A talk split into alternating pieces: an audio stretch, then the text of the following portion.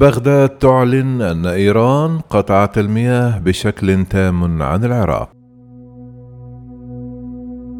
إلهي عظم البلاء وبرح الخفاء وانكشف الغطاء بعدما أعلنت العراق رسميا أن إيران قطعت المياه عنه بشكل تام شكك مراقبون في قدرة الحكومة المركزية في بغداد على التأثير في قرار طهران الأخير. كانت بغداد أعلنت يوم الأحد أن إيران قطعت المياه بشكل تام عن العراق ملوحة باللجوء إلى المجتمع الدولي. كما صرح وزير الموارد المائية العراقي مهدي الحمداني أن الإطلاقات المائية من إيران بلغت صفرا فيما أشار إلى اتخاذ حلول لتخفيف ضرر شح المياه في محافظة ديالي شرق العراق. واعتبرت خطوة إيران الأخيرة تجاوزا واضحا لكل القوانين والأعراف التي تنظم حقوق الدول في الأنهار العابرة للحدود. ومع ذلك تبدو قدرة الحكومة العراقية محدودة في مواجهة إيران فتوازن القوة السياسية والعسكرية بين البلدين خاضعا تماما لصالح الأخيرة الخطوتان الوحيدتان اللتان قام بها العراق كانتا شكليتان إلى حد كبير إذ أرسلت وزارة الموارد العراقية مذكرة للجانب الإيراني تطالبه بالالتزام بالبروتوكولات والاتفاقيات التي بين البلدين بشأن المياه المشتركة. كذلك أعلن وزير الموارد المائية العراقية أثناء زيارته للمناطق التي أصابها الجفاف في محافظة ديال العراقية جراء قطع إيران للمياه بأن حكومة بلاده ربما تلجأ للمجتمع الدولي للضغط على إيران. العراق بحاجة ماسة لمياه أنهاره الإقليمية، فهو بلد شبه صحراوي قليل الأمطار، يعتمد في حاجاته المائية السنوية على المياه المتدفقة من تركيا وإيران وسوريا. كما تفيد التقديرات الدولية بأن حاجة العراق من المياه تصل إلى أكثر من 60 مليار متر مكعب من المياه، والتي يذهب أكثر من ثلثيها إلى القطاع الزراعي.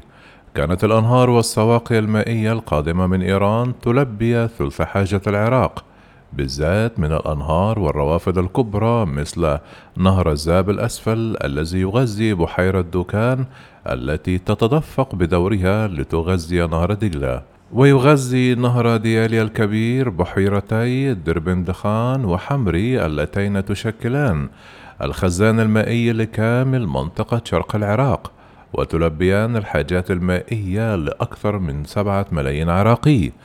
في محافظات السليمانية وديالي وصلاح الدين والواسط. وهناك نهر الكرخة وكروان اللذان كانا مصدرا تاريخيا لخصوبة جنوب العراق بالإضافة إلى مئات المجاري الموسمية التي كانت تستخدم لسقاية المناطق الحدودية. الباحث والكاتب العراقي سيف الشيخ جاسم شرح في حديث له عن طبيعة التوجه الإيراني الجديد وقال ثمة استقواء إيراني واضح ومعلن تتحجج إيران بحاجة بلادهم لهذه المياه وكأنه هذه المياه متدفقة هي ملك إيراني خاص وتاليا إنكارا لكل الحقوق الشرعية للعراق حسب القوانين العالمية لتقاسم المياه العابرة للحدود. كما تابع أن هذه الحقوق العراقية التي تعلن إيران هدرها لأنها تعرف بأن العراق لم يعد ولا يمكن له أن يدافع عن حقوقه تلك فالعراق خاضع لإيران اقتصاديا حتى في مجال النفط. أما الوقائع السياسية والعسكرية في العراق فمتحكم بها من قبل ميليشيات موالية لإيران صراحة والأحزاب السياسية العراقية المركزية لها نفس التوجه. لذا فإن العراق فاقد لأي إمكانية لإحقاق حقوقه.